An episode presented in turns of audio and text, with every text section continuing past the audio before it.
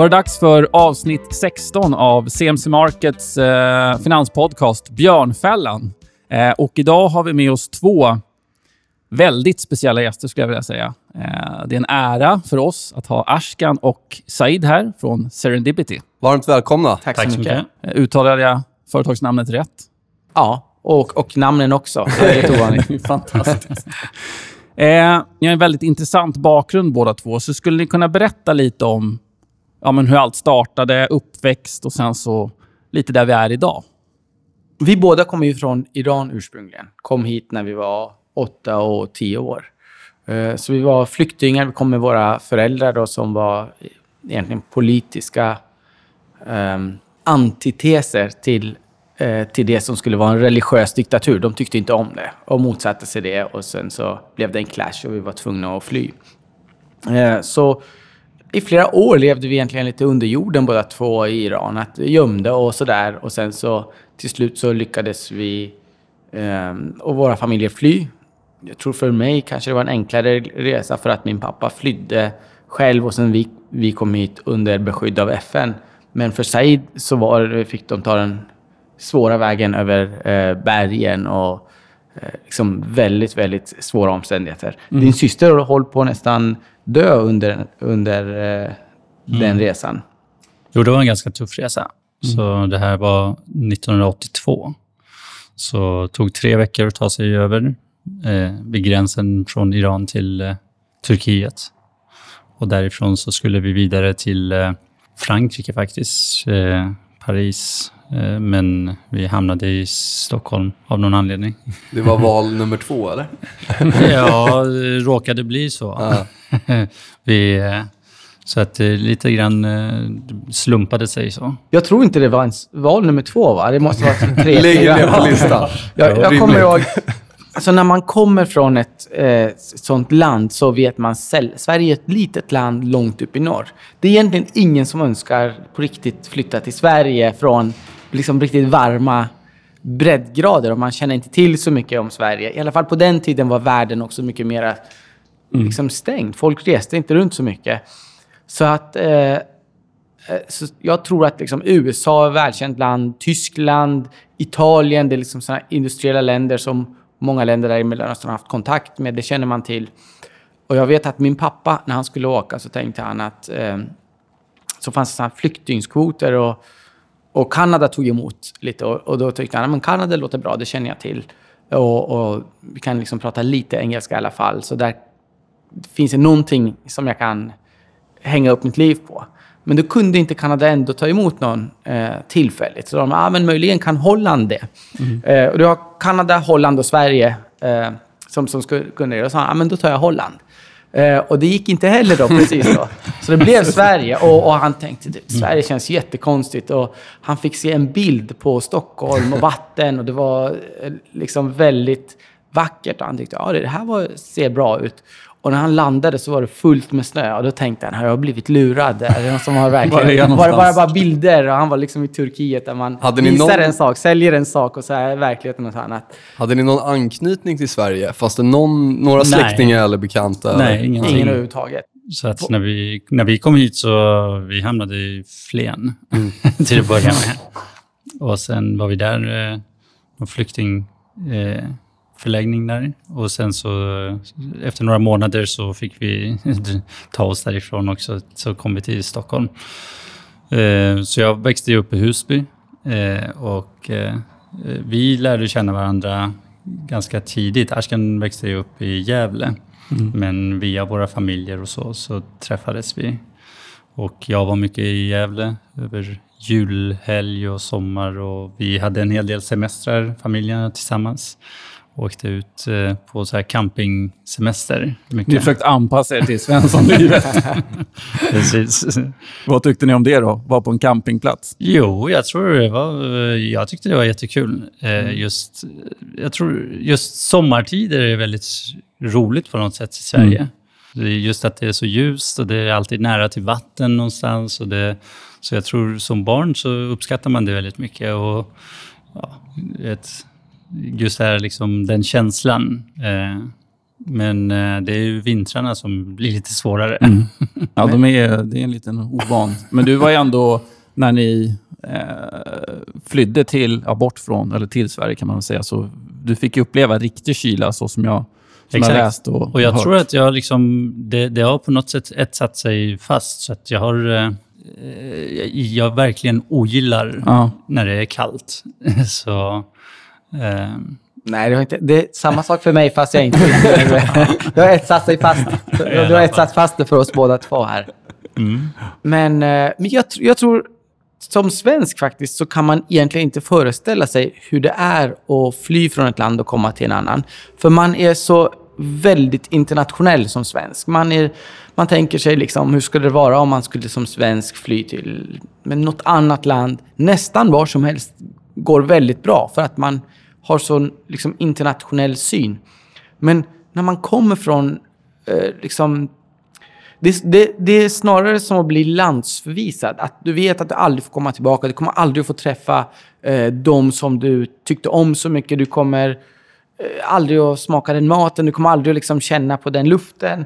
Eh, så det är på sätt och vis som att dö en gång. Och, och, men du har liksom, det är en sak som du får, det är frihet. Och, eh, men allt annat är borta. Och eh, jag tror när det kommer till Svenssonliv så blir det ganska trevligt. Man försöker, man, man försöker härma, för man vet inte riktigt. Eh, så om, om någon som har ätit sill äter det var, eh, varje år och är en tradition så är det kul. Men när man kommer som ny så försöker man bara härma. Man härmar hur jul går till och hur, eh, eh, hur man går ut på campingplatser, hur man sover i tält. Och det är väldigt trevligt för det, det är nytt och sådär. Men man har inte något riktigt koncept. Så jag tror både jag och Said upplever det som väldigt kul för det är ändå ett sätt, det, det är början på en på nytt födelse.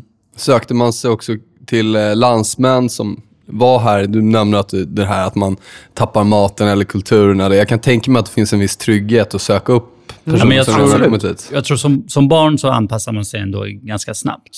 Så det blir, ja, vi, vi lärde oss äta köttbullar och, Och sill kanske? Och sill. Och, Ja. Och det är så Men, märkligt eh, att man älskar köttbullar och sill nu. Så jag, tror det är väldigt, liksom- så jag tror det är väldigt olika som, som vuxen och som barn. Så framförallt som vuxen så tror jag det är ett stort trauma att ryckas upp eh, från, från det land man lever och bli tvingad att lämna det. Som barn så är det också det på sätt och vis. Man får lämna liksom sina vänner, vet jag, kusiner, allting. Men, eh, men, men man anpassar sig ganska snabbt ändå. Man skaffar ändå nya kompisar. Och, eh, men på något sätt så blir det inte heller att man... mm, Eller jag, jag tycker att man får, inte, man får inga djupa rötter ändå. När man liksom har fått flytta på så sätt. Så att eh, jag känner igen det när jag pratar med mina vänner och de har eh, landställen ute i skärgården. Eller liksom, du, du vet, de har ju en sån väldigt nära emotionell relation till det. Mm. Och det känner inte jag att jag har eller har, får till någon plats egentligen. Riktigt. Är det någonting du kan sakna eller är det, är det vad det är? Eller? Nej, jag kan inte säga att jag saknar det, utan det är bara det det är. Man formas på något sätt lite olika. Eh, Ni känner ju varandra eh, sen tiden innan Serendipity som ni nämnde. Hur skulle ni kort beskriva varandra? på den tiden ändå väldigt eh, lika. Båda väldigt energiska eh, personer. Eh, jag skulle säga att vi var båda väldigt energiska och väldigt vetgiriga. Vi var, det var därför vi gillade varandra. Vi kunde utforska saker snabbt tillsammans. Och, eh, Jag tror nyfikenheten var det som var gemensamt egentligen. Att vi ja, gillade liksom att fundera ut saker, klura ut grejer, testa nya grejer.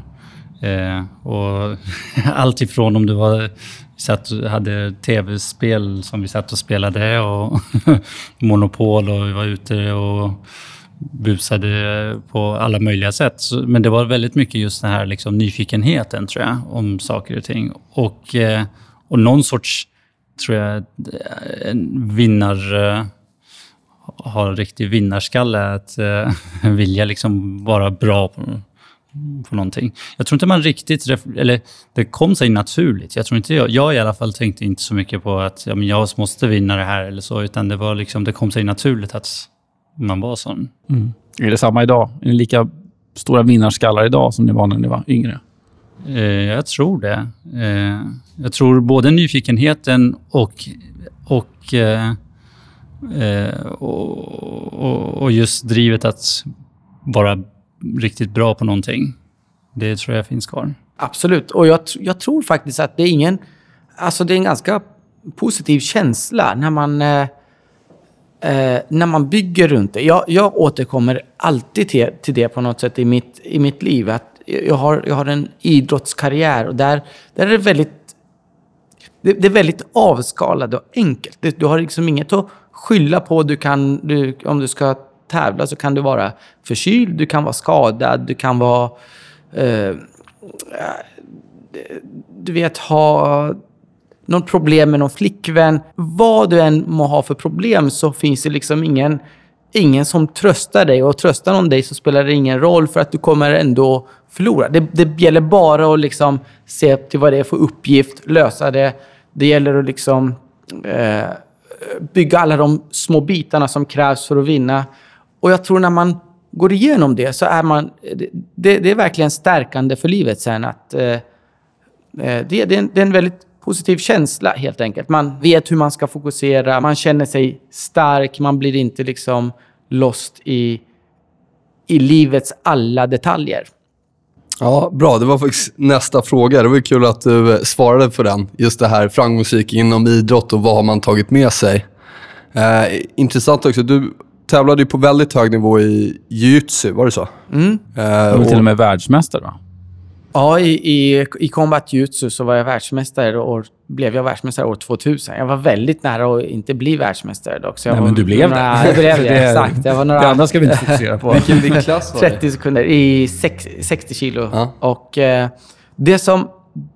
Jag, jag tror att det, det var till exempel väldigt, väldigt påtagligt. När jag började så eh, var det egentligen min pappa som sa. Jag frågade honom. Eh, jag såg en person som hade alltså, stod SWE på ryggen. De var och tränade. Och så frågade jag varför står det så där? Och då sa min pappa det är för att han har varit med i OS. Och då har han, då har han liksom fått... Och det var liksom ett koncept. Och då började jag fråga, men kan, vem, hur kommer man med i OS? Hur, hur, Du började där hur gör man? för Ja, ja. kan jag göra det? Och så sa han, men det, eh, Eh, alla kan göra det. Du, du har t- två armar och två ben eh, som alla andra. Och, eh, men du, tränar du hårdare än alla andra, då kan du, då kan du bli bättre än alla andra. Det är det som är eh, kanske ett väldigt förenklat koncept, men väldigt rätt ändå på många, på många sätt. Så sen, sen dess så etsade det sig fast att det, det är klart, det finns liksom små beståndsdelar om jag kan vara bättre än alla andra i varenda en av dem. Och det är vad man gör varje dag. När jag går upp varje dag eller när, på varje träning så ska jag vara liksom maximalt bättre än de andra. Alla andra kommer att ha en dålig dag, kommer att förlora liksom, eh, motivation någon dag, men jag ska inte eh, göra det. Så du skulle vara liksom bättre på alla beståndsdelar. Det var inte va- att vara bäst kanske just den stående biten eller bäst på marken, utan det var överlag att kunna...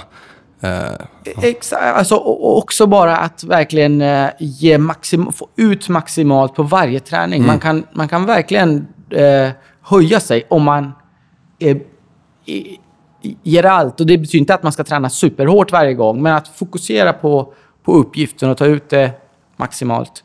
Eh, det hjälpte mig verkligen. Och de blir liksom lite... Det, det här är något som jag kan liksom aldrig förklara. Jag tror det är bara i den här pod- podden som någon är intresserad av att förstå. Men det, eh, det är alltså regeln med all typ av avkastning är att eh, är du liksom en procent bättre varje gång, så över 100 iterationer så blir det en... Den, den ackumulationen blir, blir liksom helt otrolig. Då kan man snabbt bli dubbelt så bra och trippelt så bra. Eh, men man behöver inte vara dubbelt så bra på varje träning för att bli det liksom efter 100 iterationer. Nej. Och det är ganska också en eh, liksom märklig sak i livet. Att jag tror man ger lite mer så får man extrem utväxling om man orkar hålla ut eh, över tid. och framförallt att man håller ut över tid, som du säger. Att det är ett maraton. Att det inte, Exakt. Ja, man inte sprintar. Eh, Ert företag är ju, och ni två, vad jag uppfattar som, är väldigt innovativa. Ni, har, ni äger många innovativa bolag, skulle jag ändå vilja säga att det är. Eh, vad är liksom, innovation för er två? Om vi börjar med dig, Said. Vad, vad är innovation? När du hör ordet, vad tänker du på? Vad är det första som ploppar upp? Eh, Det är att skapa någonting nytt som, som ja, på ett eller annat sätt eh, används i världen. Det är innovation. Så att eh, kan vara allt ifrån en process, eh, ja, något med, om man tar till exempel IKEA. Det är väldigt innovativt att få folk att sälja möbler som folk får skruva ihop själv. Och blir irriterad? Och, ja. Eh, Det kan vara att man tar fram någon ny produkt eller det kan vara någon tjänst. Så att, eh, väldigt olika. Det kan vara att eh, hjälpa till att bekämpa hemlöshet eh, på ett eller annat sätt med att hitta ett nya koncept till att eh, lösa det. Jag tror till och med det finns en... Eh, det, det är många som har tvistat om exakt vad ordet innovation betyder. Men eh, en av de bästa beskrivningarna tycker jag att det är eh, eh, ny produkt, process eller arbetssätt som skapar eh, samhällsvärde. Det är en innovation. Er första, eller grunden kan man säga till Serendipity var egentligen en... Ja, Serendipity betyder ju är det, händelse av en slump eller liknande. Eh, och det var ju ett, det var en innovation, men det blev inte riktigt som ni kanske hade tänkt er att det skulle vara från början. Skulle ni kunna berätta lite kring hur allt startade med själva bolaget där och Diamorph? Mm. Så det kommer ju ur min forskning. På, jag, jag forskade ju på Stockholms universitet. Jag var kemist en gång i tiden. Eh, Aktiv forskare och eh, Fortfarande kemist. ja, fortfarande kemist men inte forskare. så, och det var ett material som, så jag jobbade med olika typer av material med innehållande material eh, och gjorde experiment i väldigt höga temperaturer, 1800-1900 grader. Eh, kylde ner dem väldigt eh, långsamt och det var eh, en ugn som jag använde där det skulle kylas ner väldigt långsamt. men Ugnen gick sönder så att eh, vi fick en väldigt snabb nedkylning istället. Eh, och då råkade det bli att det, det var ett glasmaterial som bildades. Eh, och det här glasmaterialet visade sig så småningom vara extremt hårt. När jag kollade närmare så var det världens hårdaste glas. Hade en del optiska egenskaper som var intressant. Och så, så att jag började, då, det var då jag kontaktade Ashkan och frågade om han ville göra någonting. Jag förstod inte liksom riktigt vad man skulle göra med det, men jag tänkte att det här kan ju vara någonting intressant kommersiellt. Så, så då kan vi göra det tillsammans. Och, eh, men det är som du säger att vi började jobba med det. Men efter ett tag så visade det sig att det var svårare än vi hade tänkt. Och det var många svårigheter med att skala upp processen, med att få det att bli kostnadseffektivt, med att matcha det ihop med de utmaningar och de frågeställningar som fanns, de industrier som vi var i kontakt med. Så, så, så den produkten blev aldrig någonting av det. Men eh, vi började jobba ihop i alla fall och det var väl det som, man kan väl säga att det, kanske det, det viktigaste som kom ut ur det experimentet eller det materialet som jag tog fram, det var just att vi började jobba ihop och vi samlade människor runt, ja, runt, eh, runt det här. Då, så att det blev ett team som jobbade ihop. Vad var tanken när ni drog igång? Vad, vad var tanken med bolaget från början? Vad, vad vill ni skapa för någonting? Vi hade absolut inga tankar om att bygga eh, företagsgrupp så som det har blivit idag. Utan jag tror tanken var att, i, som vi tyckte då, att men det här är ett nytt material. Det måste finnas, det, måste, det verkar vara intressant. Det måste finnas några intressanta användningsområden. Vi går, åker ut och träffar olika industriella aktörer, så säljer vi det till dem. Eh, eller licensierar ut det till dem och så, så har vi gjort det. Så att det, vi förstod inte alls, tror jag, processen i hur det funkar med, alltså det, hur världen funkar om man säger så. Utan vi hade en föreställning om att men det här är ett material, vi patenterar det och så går vi ut och så säljer vi det och licensierar ut det och så tjänar vi pengar på det. Mm. Ni plockar upp det andra under vägen, så att säga. Ja, alltså det var ju när man väl, var, när man väl är ute och träffar den riktiga världen. Det är först då man märker då frågeställningar som man inte ens har tänkt på. Problem som man inte har tänkt på. Och det är den iterationen som jag tror skap, den iterationen och hur man hanterar den iterationen som, som är det som skapar reellt värde. Och idag, hur många bolag eh, äger ni idag i själva företagsgruppen? Vi har tio bolag i, eh, i gruppen. Eh, jag tror vi är närmare 1400 anställda. Eh, och ja, majoriteten i Sverige, men vi har en hel del anställda också utanför Sverige. Hur många är noterade av de bolagen?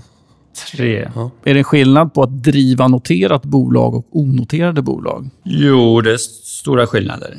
Eh, framförallt när det gäller då förstås informationsgivning. Mm, mm. Så att det är klart att, det, så att det, det, blir en annan, det blir en annan struktur på hur man driver bolaget. Eh, man måste vara liksom, ja, saker och ting mycket mer strukturerat och mycket mer eh, ja, som sagt, speciellt informationsgivningen blir ju väldigt viktig. Att det sker på rätt sätt.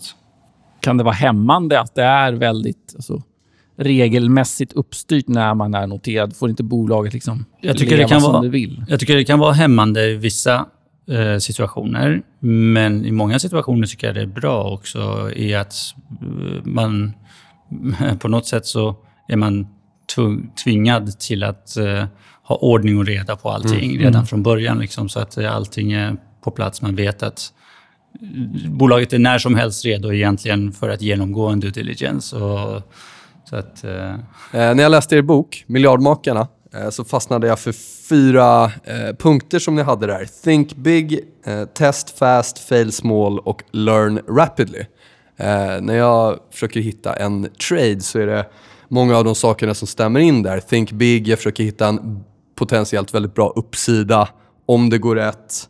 Eh, testa den. Om jag har fel så tar jag min förlust snabbt. Och sen om jag då har fel, vad har jag lärt mig av den här traden? Hur, hur, liksom, hur använder ni det här? De här fyra olika orden. Men också precis så som du, du beskriver det. Jag tror att när det kommer till uh, den typen av verksamhet som vi traditionellt har gjort, att liksom gå in i väldigt, väldigt små bolag, eller idéer egentligen från början, med väldigt stor teknisk risk, så ser många det som spekulation. För det går inte liksom som ett bolag som genererar kassaflöde att räkna på det med, med någon typ av eh, säkerhet. Men det, för oss har det varit en enormt bra avkastning. Jag tror att vi har haft över 40 procent avkastning och det har ändå gått eh, 13 år. Och det känns inte som det kommer att eh, bli sämre. Det är klart, med storleken så, så kommer det kanske att gå ner. Men det har varit liksom väldigt bra affär för oss. Och när vi tittar liksom rent ekonomiskt på det så är det så att igen så har man ganska svårt, det är nog inte svårt att förklara det för traders, men för den stora allmänheten är det svårt att förklara att om du har en portfölj och du vet att vad vi kan, när vi investerar i någonting så kan vi förlora 100% av det. Så er downside risk är, det är 100% av investeringen? Det, det är 100% ja. av investeringen, men det är ganska små investeringar mm. i början. Men, men vår upside är oftast många, många gånger mer. Och om man tittar på liksom varje enskild trade, om vi, om vi skulle kalla det det, så är risken i varje enskild trade stor, men risken över tio iterationer eller så är nästan obefintlig. Då, då, är nästa, då, är, då är risken i den portföljen väldigt liten, för då är liksom resultatet blir 20-40 procent upp. Uh, så det är en väldigt lönsam affär, men jag tror att man måste liksom bryta sig loss från all typ av uh, alltså all typ av ge genetik man har i form av nerver, i form av hur hjärnan är van att tänka. Utan man måste liksom Kunna titta på det rent, mm. mm. rent matematiskt. Väldigt lik, mm. lik en trader faktiskt. Men eh, det grundläggande är ju väldigt mycket att kunna göra rätt, eh, på något sätt rätt, eh, kunna se rätt riskbild. Mm. Eh, så den, det gör ju hela skillnaden om när du har en portfölj sådär, om det är några bolag som kanske helt och hållet går under eh, eller det, det värdet utplånas, så gör det ju stor skillnad på resterande om det är så att det är 10% 20% 40% eller 100% upp på dem, mm. så gör det ju väldigt stor skillnad på hela portföljen. Så att man måste liksom kunna göra riktiga, riktiga bedömningar om vad, vad potentiella uppsidan är, vad är sannolikheten för det mm. och så vidare. Och, och, jag tror i vårt fall behöver vi inte alltid vara lika bra på att göra bedömningen just. För att när man gör en trade, då, då, då det enda beslutet man tar det är köp och sälj. Medan i vårt fall så kan vi påverka det rent operationellt väldigt mycket. Mm. Sen är det ju det att för oss, så är det ju, när det gäller ventureinvesteringar i alla fall, så är det ju den asymmetrin är väldigt stor. Det vill säga de pengar som vi investerar i varje enskilt bolag, det är just det här med att eh, testa i liten skala. Så kan man liksom se om det flyger eller inte innan man stoppar in mer investeringar. Så, så kan man hantera det på så sätt att förlorar man pengarna så är det inte jättestora pengar, men går det bra så kan det bli, bli då jätte, bra. Hur många, hur många misstag, om vi nu kallar det, hur många dåliga investeringar krävs det att få in liksom en fullträff? Vad är hitrate? alltså vi, Har vi någonsin grann... fått en fullträff? Jag tror... Mer eller mindre. Grejen är att det är en bra, bra liksom, vi söker ju en Spotify, en Facebook. Vi har aldrig fått det. Vi har liksom eh, kunnat... Jag, jag tycker många saker som har gått liksom gått sämre har vi kunnat tweaka till så att det har blivit rätt okej okay i slutändan. Men det vi hoppas på är att om vi gör det här många, många gånger över vårt liv så hoppas vi liksom nå en fullträff som är en Facebook eller Spotify. Eh, än så länge så liksom... För det är ju många tusen gånger eh, tusen procent i avkastning. Mm. Nu nu så får man liksom nöja sig med de där 20. Vi, vi pratar mycket om det med våra kunder, just det här att det inte är antalet vinster som är det viktiga, utan det är den där stora vinsten som mm. kan kompensera för allt. Mm. Eh, det låter lite som det är samma tänk här då också, att eh, kommer ha de här olika små betsen och så är det några som kommer falla ur väl och så kanske det är en som blir mm. den, den, stora trenden som man eh, fångar. Då. Det vi siktar på, mm. det är att utan den där jättestora fullträffen så vill vi ha över 20 procents mm. avkastning på en, vad ska man säga, nor normal portfölj. Mm. För att den där stora träffen vet vi inte om vi någonsin kommer att få. Den är så extremt sällsynt om man tittar på liksom alla människor i världen som håller på med saker. Men det blir dock mindre och mindre sällsynt mm. ju, eh, liksom, ju mer tiden går och ju, karaktären på, på hela ekonomin eh, förändras. Men, så att vi kan inte riktigt förlita oss på att den där stora fullträffen någonsin kommer. Men det är det som vi får eh, jaga. Hur? Men man behöver, inte, man behöver inte ha dåliga resultat, tror jag, även om man inte når full... Man behöver verkligen inte ha fullträffar för att eh, det här ska kunna gå ihop. Det är väl att just att, som ni sa, där, att inte gå in för tungt i inledningsskedet innan ni har liksom testat själva produkten eller testat bolaget. Mm. Och då kommer jag in på nästa fråga. Hur gör ni för att liksom, vad ska vi säga, stresstesta investeringen inledningsvis? När, när vet ni och när känner ni att ni kan gå in lite tyngre? Liksom, när har ni passerat det inledningsskedet? Eh, det finns ju... Det, till att börja med så kan man säga att det finns en del saker som på något sätt naturligt faller utanför. Om man tittar på traditionella läkemedel, det kostar liksom väldigt mycket, kanske uppemot en miljard att få någon typ av verifikation på om det funkar eller inte. Och det kan man göra om man har en portfölj på 20-30 miljarder som ett stort läkemedelsbolag har. Men det faller direkt utanför vårt scope. För en sån enskild sak skulle kunna vara... Det, det är för stor risk. Så därför vi tycker då fail small. Vi, vi måste fokusera på saker som har, har den karaktären att vi kan faila small. Mm. Uh, och sen så när man vet det, det liksom att det, det bär. Det, det finns lite olika liksom risk eh, tider för risk. Det, det är den tekniska risken när den är borta. Det kan man reda ut eh, eller man kan bygga in det så att man har någon teknisk liksom, bra grej. Under den här tiden så vill man också kunna nå eh, liksom, fram med en produkt som ur en marknadsposition är, är väldigt bra. Vi har faktiskt byggt flera produkter som är världsledande men som aldrig har kommit ut och aldrig kommer att komma ut. För att de hamnar bara helt fel i en marknadsposition. Det är en marknad som domineras av någon annan. Eh, av många möjliga liksom, eh, anledningar så, kom, så, så blir det ingenting. Så den, den läxan till exempel har vi lärt oss. Att det är verkligen lika viktigt att kunna rent i, i marknadsposition också hamna någonstans. Där Men det är jag tycker bra. det som i, i, gemensamt ur, eh, i alla fall så som jag gör när det gäller att trycktesta saker, stresstesta, det är ju låta dem låta, om det är produkten, eller teamet, eller tjänsten, eller vad det nu må vara, eh, möta världen. Eh, och så får man liksom se lite grann. Och det kan vara, Live är live. Ja, gå live egentligen så tidigt som möjligt och testa. Och många gånger så tror jag att man är rädd för att misslyckas och den rädslan gör att man vill göra det, vänta med att göra det och man vill bygga vidare på det och man vill jobba vidare liksom med att göra det ännu bättre innan man går live. Men jag tycker egentligen att man ska gå live så tidigt som möjligt egentligen och så bara testa. Sen kan man testa det i mindre hostile miljöer och så vidare. Så att man vet att okej, okay, får jag en smäll, liksom, åker jag på en smäll så blir det inte en jättesmäll. Eh, så att... Eh, mm. Eh, Människor förhåller sig olika till risk, både på ett personligt plan och ett affärsmässigt plan. Med tanke på er uppväxt, tror ni att det har format er syn på risk? Och i så fall hur? Jag tror det framförallt har format...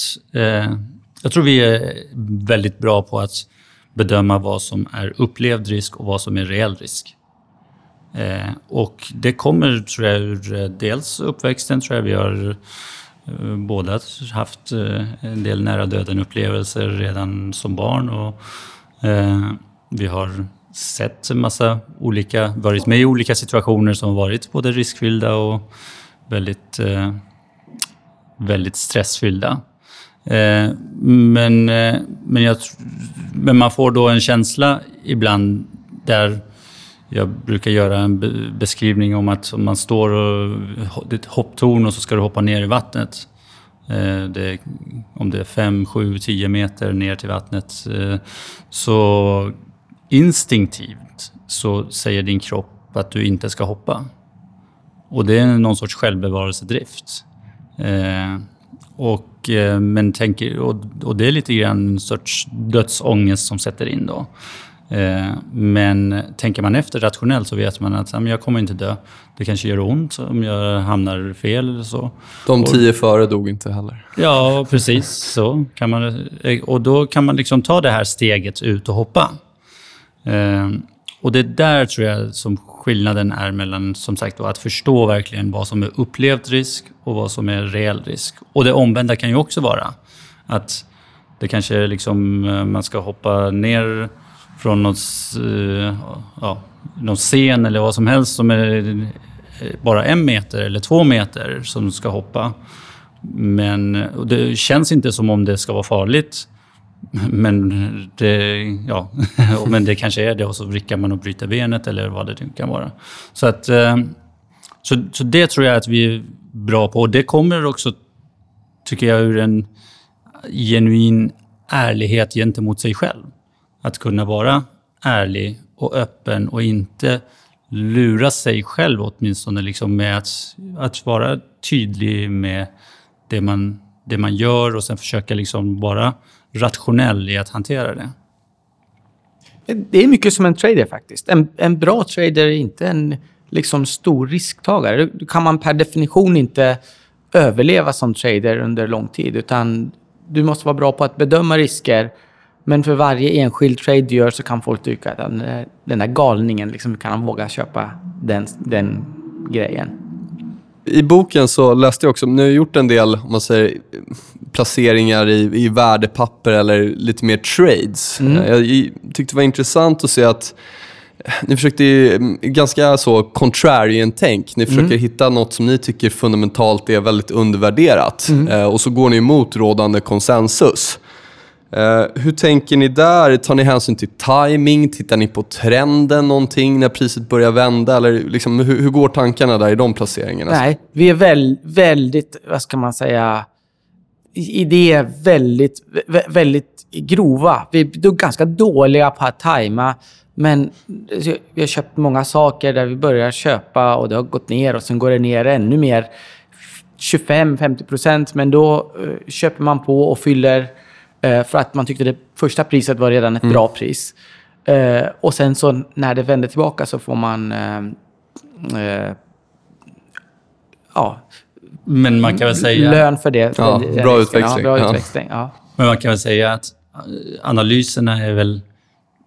De är grundade på så sätt så att den marginalen finns. Att Ja. det, är liksom, det handlar inte om att tajma precis. Nej, ni tar inte det all den sizen i början, för tanken är att ni ska kunna skala er in och ni kan ta 20% ner. Det, Med den tidshorisonten ni tittar på så blir det inte...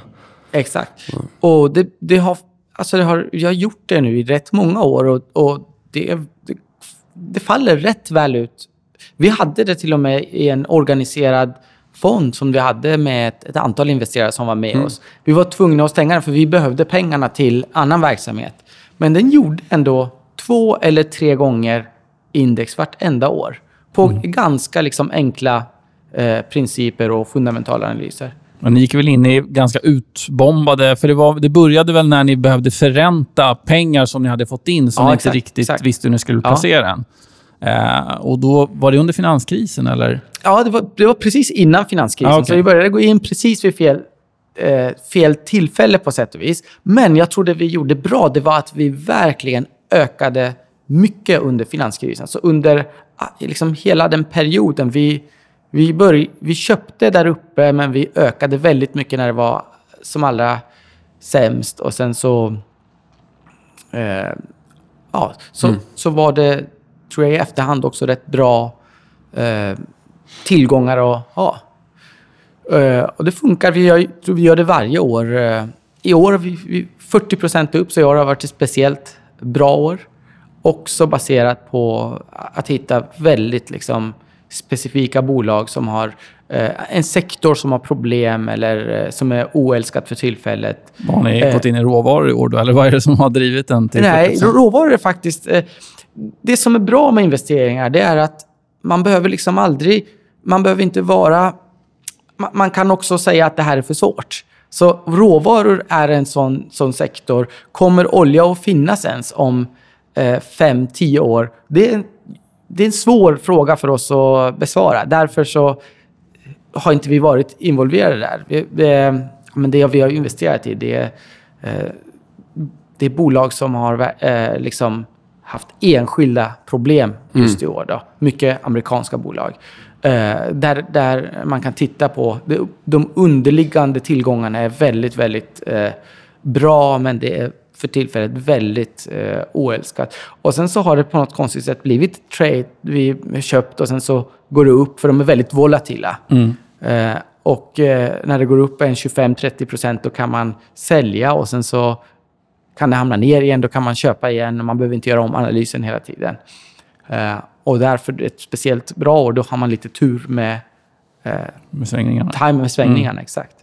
Men hur, om vi tittar på hur ni väljer ut investeringar till Serendipity. Mm. Hur, vad är det, finns det något specifikt ni är ute efter? Liksom, vad är det som kickar igång er att okej, det här måste vi kolla närmare på för att det här kan verkligen vara intressant? Eh, numera har vi två skeden. Ett, ett är när det är bolag som är... ehm, det, det, det, är det vi traditionellt har gjort. Det är liksom tidiga idéer. Då är det alltid att det är ett bra team. Det är liksom nummer ett. För att vi vet att det kommer att förändra sig mycket under vägen. Det gäller att liksom kunna jobba med ett bra team. Är teamet viktigare än produkten? All, alltid. Alla dagar i veckan, Alla dagar i veckan. När det kommer till eh, bolag som är i tillväxtfas eller väldigt mogna, då är det faktiskt ändå mindre. Då är det mycket mer karaktären i, i bolaget och den, det inneboende liksom... Eh, den inneboende maskinen. Eh, så där är det nästan ibland är, det- är ett team som har lyckats väldigt bra men inte känns super, då finns det liksom eh, andra som kan göra ännu bättre med det. Så att eh, ibland när någon vill sälja sitt hela företag till oss så kan det till och med vara positivt att det inte är ett superteam som är på plats. Men eh, i, i de, eh, när, det kommer till mer tillväxtorienterade så är det liksom tre saker som vi, tre väldigt specifika strategier som vi tittar efter. Om vi kan jobba med de strategierna för att kunna växa bolaget. Eh, oftast är det liksom en internationell expansion som vi, vi tittar på. Eh, jag kan tänka mig att ledarna, eftersom de här bolagen är lite mindre, eh, det är nya produkter kanske, så är ledaren, du pratar om teamet, men ledaren mm. måste ju också vara extremt viktig. Att det är mm rätt person som mm. ska, ska ta hand om teamet. För kan, ni kan ju inte ta hand om alla team som är i de här bolagen nej, nej, som ni investerar absolut, i. Ja. Vad, vad, är en bra ledare för er? Uh, jag tycker det finns en... Liksom man brukar ibland säga att det är skillnad mellan en bra chef och en bra ledare. Jag tycker inte det är någon skillnad alls. Utan en bra ledare ska se till att ens liksom, organisation är framgångsrik. Steve Jobs är en superbra ledare. Det är en sån typ. En eh, väldigt besatt, fokuserad personlighet som fokuserar på målet och levererar. Det är en bra ledare för mig. Said, har du samma tankar där? Eh, jag vet inte.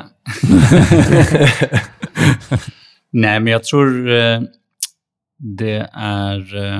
Jag, tycker, jag, tycker, jag tycker världen är mer, mer mångfacetterad än, äh, än Apple. eh, jag tror man kan...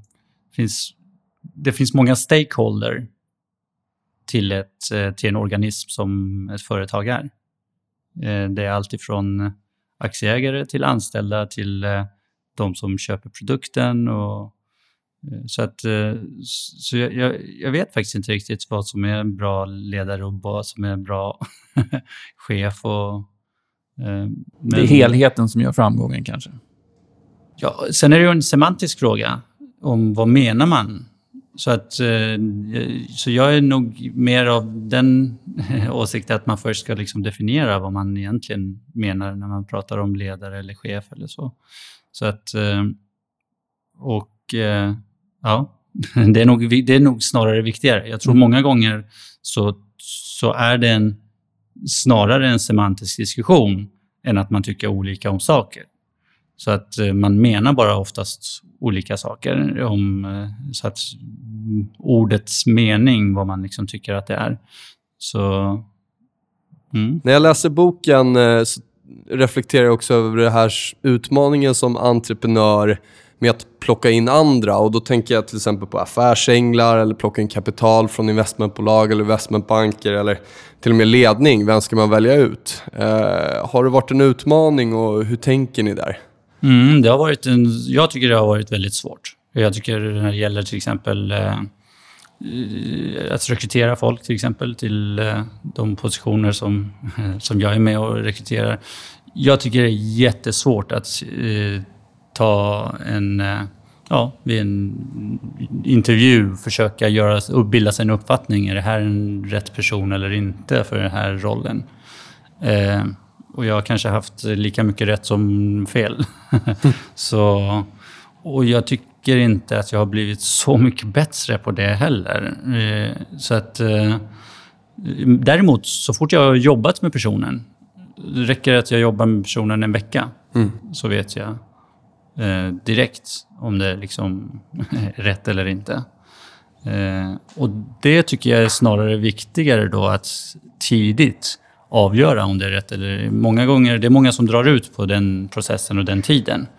Eh, att man tänker att ah, men, han eller hon har inte fått eh, en riktig chans, eh, det ska gå ett tag innan de kommer in i rollen och det ena med det andra. Och ja, ja, jag, jag tycker mig kunna göra den bedömningen i alla fall ganska snabbt eh, efter att ha jobbat med personen. Jag vet också att ni tackade nej till vissa investeringar och då var är det att man resonerar att de kraven som kommer från investerarna, att de är fel eller? Nej, men det, det, det var någon som uttryckte det om att vissa typer av Vissa typer av pengar och investeringar, det är som att kissa på sig.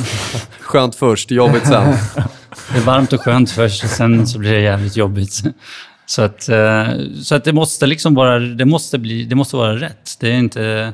Och det kan vara allt ifrån eh, vad det är för villkor som kommer med det. Det kan också många gånger vara vad det är för personer.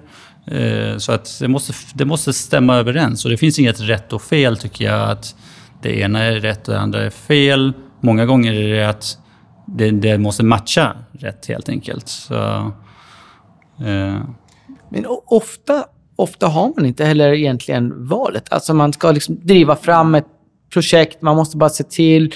Jag tycker det är visst, viktigast att bara undvika några rikt, alltså riktigt fel investerare. Annars är det i... Eh, liksom, generellt sett så måste man som entreprenör leverera. Det, det är det som är grejen. Och det finns vissa som är svåra att eh, leverera för eller eh, jobbar mot sina intressen. Inget av dem är sådana som vi har tagit. Jag tror, när, vi- eh, då vi, när vi, jag tror vi, vi nog har haft... Eh, vi har haft många investerare och, och jag kan säga att alltså 99 procent av dem har varit absolut bra. Även de som vi har eh, tackat nej till. Jag tror att vi var bara liksom väldigt omogna vid det. Vid det. Så att det, det är bra. De, de är bra investerare. Vi är bra vänner med dem. Jag tror... De förstår investeringen, för det är så otroligt viktigt när de gör en investering att de förstår men vad är nedsidan, vad, vad är, hur, hur lång tid kan det ta, vad är uppsidan och så vidare. Och i, i, i, så, I sådana fall är det också liksom en bra investerare har kanske ett unikt nätverk som kan hjälpa dig att bli framgångsrik. Eh, men i övrigt tycker jag liksom bara... Eh, kriterium nummer ett är att ingen ska förstöra för dig. Det, det är liksom det enda, det enda svåra. Och dessvärre tror jag man måste... Liksom, det, det blir faktiskt lättare med tiden, för man testar ut ett antal människor. Men de väldigt något- många som vi jobbar med, de har vi jobbat med i över tio år. Och, Men någonting som man gång på gång underskattar, det är eh, eh, bra informationsflöde. Eh, hur viktigt det är. Så att ju, ju mer transparent man är och ju mer information man ger till sina investerare, eh, desto mer får man ut av det också. Oavsett om, det är, oavsett om det går bra eller dåligt. Men just att vara transparent och vara öppen och föra en dialog. Eh, och det tycker jag att det har jag märkt mycket av. Att just Gör man det på ett strukturerat, systematiskt, återkommande sätt så att de får kontinuerlig information, de är informerade om vad som händer i verksamheten och så, så får man faktiskt väldigt mycket tillbaka i form av att går det inte bra så är de med och hjälper till, går det bra så är, så är de glada och du vet, det, liksom, det skapar mycket eh, mycket goodwill och spillover-effekter på många sätt som man inte föreställer sig i början. Eh, de kommer med nya affärer till en. Eh, det blir ju ett brett nätverk via de investerare man har också. Får ni många investeringsförslag nu för tiden när ni är i den positionen ni är? Är det många som kommer till er och vill pitcha sina idéer? Och... Det är det. Vi får hela tiden. Varje vecka så träffar vi folk som... Sen har vi ju själv en ganska strukturerat uppsökande organisation och verksamhet där vi är ute och träffar entreprenörer hela tiden. Så jag tror att eh, vi träffar väl ja, ett par hundra case varje år som vi sitter och diskuterar potentiella investeringar. Hur, hur, hur många av dem är det som blir i alla fall ett påbörjat projekt skulle ni säga? Är det 1% eller är det 0,1 eller? Nej, det är lite olika, olika kategorier. Om man säger. Vi har ju en venture-verksamhet där vi går in ganska tidigt och så. Och då kanske det är ja, en, en ny investering varje år.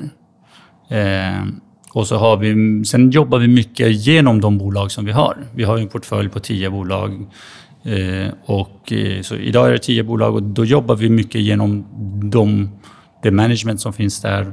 Och då kan det vara tilläggsinvesteringar. Så i ett av bolagen, till exempel Stiptech, där har det varit väldigt förvärvsintensiv verksamhet. Och den expansionen har gått väldigt snabbt. Så de senaste 12 månaderna så har vi gjort, jag tror det är 10 förvärv. Så då blir det många tilläggsinvesteringar. Eh, men, men plattformsinvesteringar, om man säger så, det håller vi runt omkring där, 10. Vad är viktigt då när man ska pitcha in en idé? För vad, vad gör ni er extra intresserade när det kommer en energisk entreprenör som liksom vill ta över världen? Men just det här med att det till att börja med ska vara en energisk entreprenör som vill ta över världen. Ja. Det är nummer ett. Det är Om man ett. inte vill det, då får man Och det är inte alla som pitchar någonting som...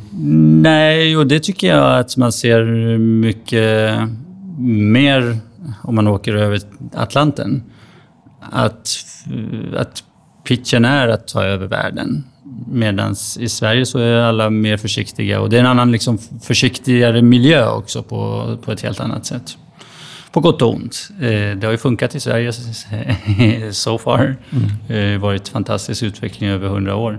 Så, men eh, eh, nej, så det är viktigt att de vill ta över världen. Men eh, sen är det ju, jag tycker inte att det finns en...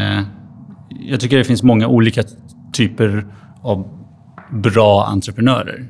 Det, det är inte vara, mall de behövde vara stöpta efter? Nej, utan det, utan det kan vara att, eh, väldigt, det kan vara sådana som är väldigt eh, energiska och eh, utåt. Och så. Det kan också vara sådana som inte alls är så mycket utåtriktade men mer introverta kanske och men, jobbar på ett helt annat sätt. Mm. Men det är, det är, vad heter det, det är ytan. Inne i kärnan är det nog ändå alltid en extremt dedikerad person. Mm. Jag har aldrig träffat en halvdedikerad person som liksom kommer att kunna bygga. Då måste man ha väldigt mycket tur. Har ni någon i Sverige eller även utomlands där, som ni ser upp till? Inte kanske då Steve Jobs, men finns det någon, någon specifik entreprenör eller någon som har lyckats väldigt bra som ni har ett extra gott öga till? I, i, men absolut. Både i Sverige och, och utomlands. Det finns, det finns hur många som helst. Mm. Eh, Har du något exempel på en svensk person kanske? Ja, till exempel eh, Spotify-killarna. Både mm. Daniel. Ek, Martin Lorentzon. Eh, kanonjobb. Eh, Icetel grundare, liksom, han är verkligen som en riktig krigare. Han, han eh, går all in och mm. har gjort hur bra jobb som helst. Jag tror, jag tror i Sverige skulle vi kunna liksom nämna mm. två, mer än liksom två fulla händer av mm. riktigt bra personer. Mm. Man är faktiskt rätt stolt över att Sverige har så många så bra entreprenörer. Men vad tror du det beror på? För som du nämnde, där, svenskar är ju ganska... Ja, men man är lite mesig ibland. Sådär. Men vad tror ni det beror på att vi ändå är så alltså, så entrepre entreprenöriella mm. som vi är. Jag tror det har förändrats väldigt mycket de senaste tio åren. Mm. Mm. Det, så den förändringen, det är, en, eh, det, det är en stor förändring som har skett de senaste tio åren. Eh, men eh, jag tror att det finns en väldigt bra grund i Sverige att bygga vidare på. Det är jättebra infrastruktur. Det är, jag tycker det, när det gäller utbildning och utbildningsnivå. Du har, vi har en... Vi är väldigt... Vi har väldigt lätt att ta till oss saker, nya saker. Så att... Eh, så det är många trender där vi där, man, där vi är först på något sätt när det gäller oavsett om det är, liksom, det är musik, det är eh, mycket fintech har det ju varit. Att vi, vi använder inte så mycket pengar längre på samma sätt, eh, kontanter. Eh, så att och sen så, så, så, är vi nog exceptionellt bra på att jobba i team. Vi är inte de här starka individualister som... Eh, mm. Jag vet inte. Jag tycker det finns ingen patentlösning. Eh, Men det är lite grann också att det är också liksom lite the icing. Vi låtsas vara mesiga, men vi, det finns mycket glöd i... Tigen där under. Tigen där under. svenska tigen. Den finns där. Mm. Uh, jag tänker på så många bolag när du, när du ställer frågan. Du nämnde Klarna, Sebastian. Men det finns också... Det här är startupbolag. Det finns också en annan sektor som Alltså Melker Schörling till exempel, en, en annan generation men liksom så extremt duktig, bra. Sådana ser vi också upp till. Jag tycker jättemycket om Melker Schörling, Gustav Douglas. Eh, de har ju liksom byggt många stora globala svenska bolag. Och, ja, men på den tiden hade man kanske inte termer som unicorn och det var liksom mm. inte startup-hype eh, på samma sätt. Men det är ändå så extremt många bra byggen.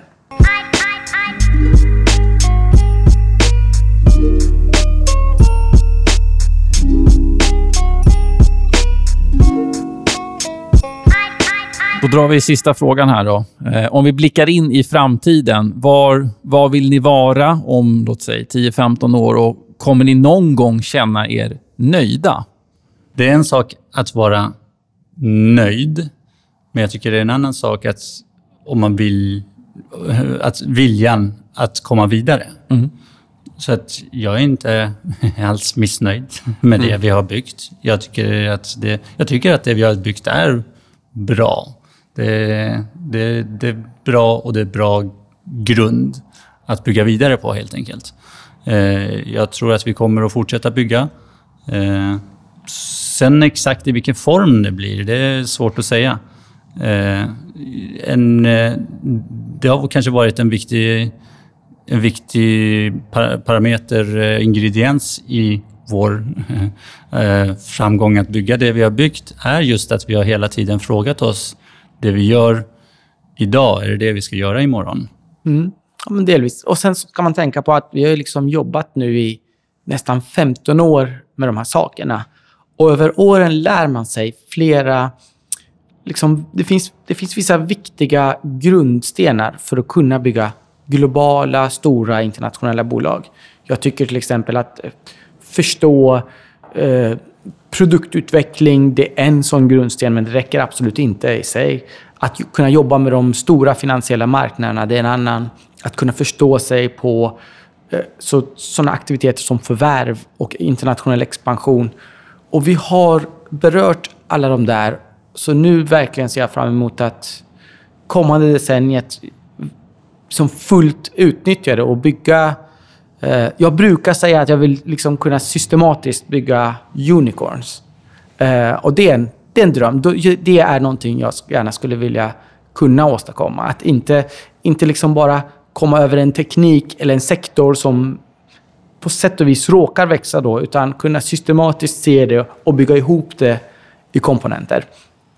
Eh, så det, det är min dröm lite grann, att kunna eh, min, kanske inom en 20-årsperiod ha byggt flera liksom, stora globala företag som, med basen i Sverige som, som jag kan vara stolt över. Som har tagit över världen. ja, men som, eh, som egentligen mer på ett eller annat sätt berört väldigt många människors liv. Sådär.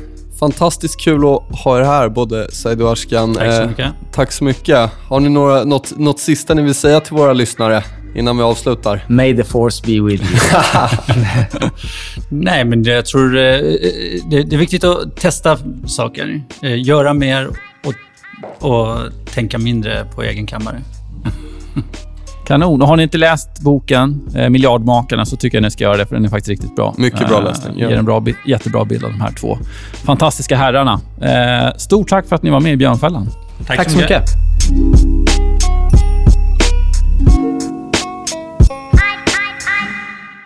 Sådär, avsnitt 16 av Björnfällan in the bag. Riktigt intressant intervju, Kristoffer. Ja, jättespännande faktiskt. Som vanligt, Soundcloud och iTunes. Har ni några frågor, funderingar, feedback, tveka inte att höra av er till oss, antingen via mail eller hashtag björnfällan. Ja, annars får jag tacka för mig. Eh, fortsatt trevlig dag och eh, trade on. Ha det. Hej då.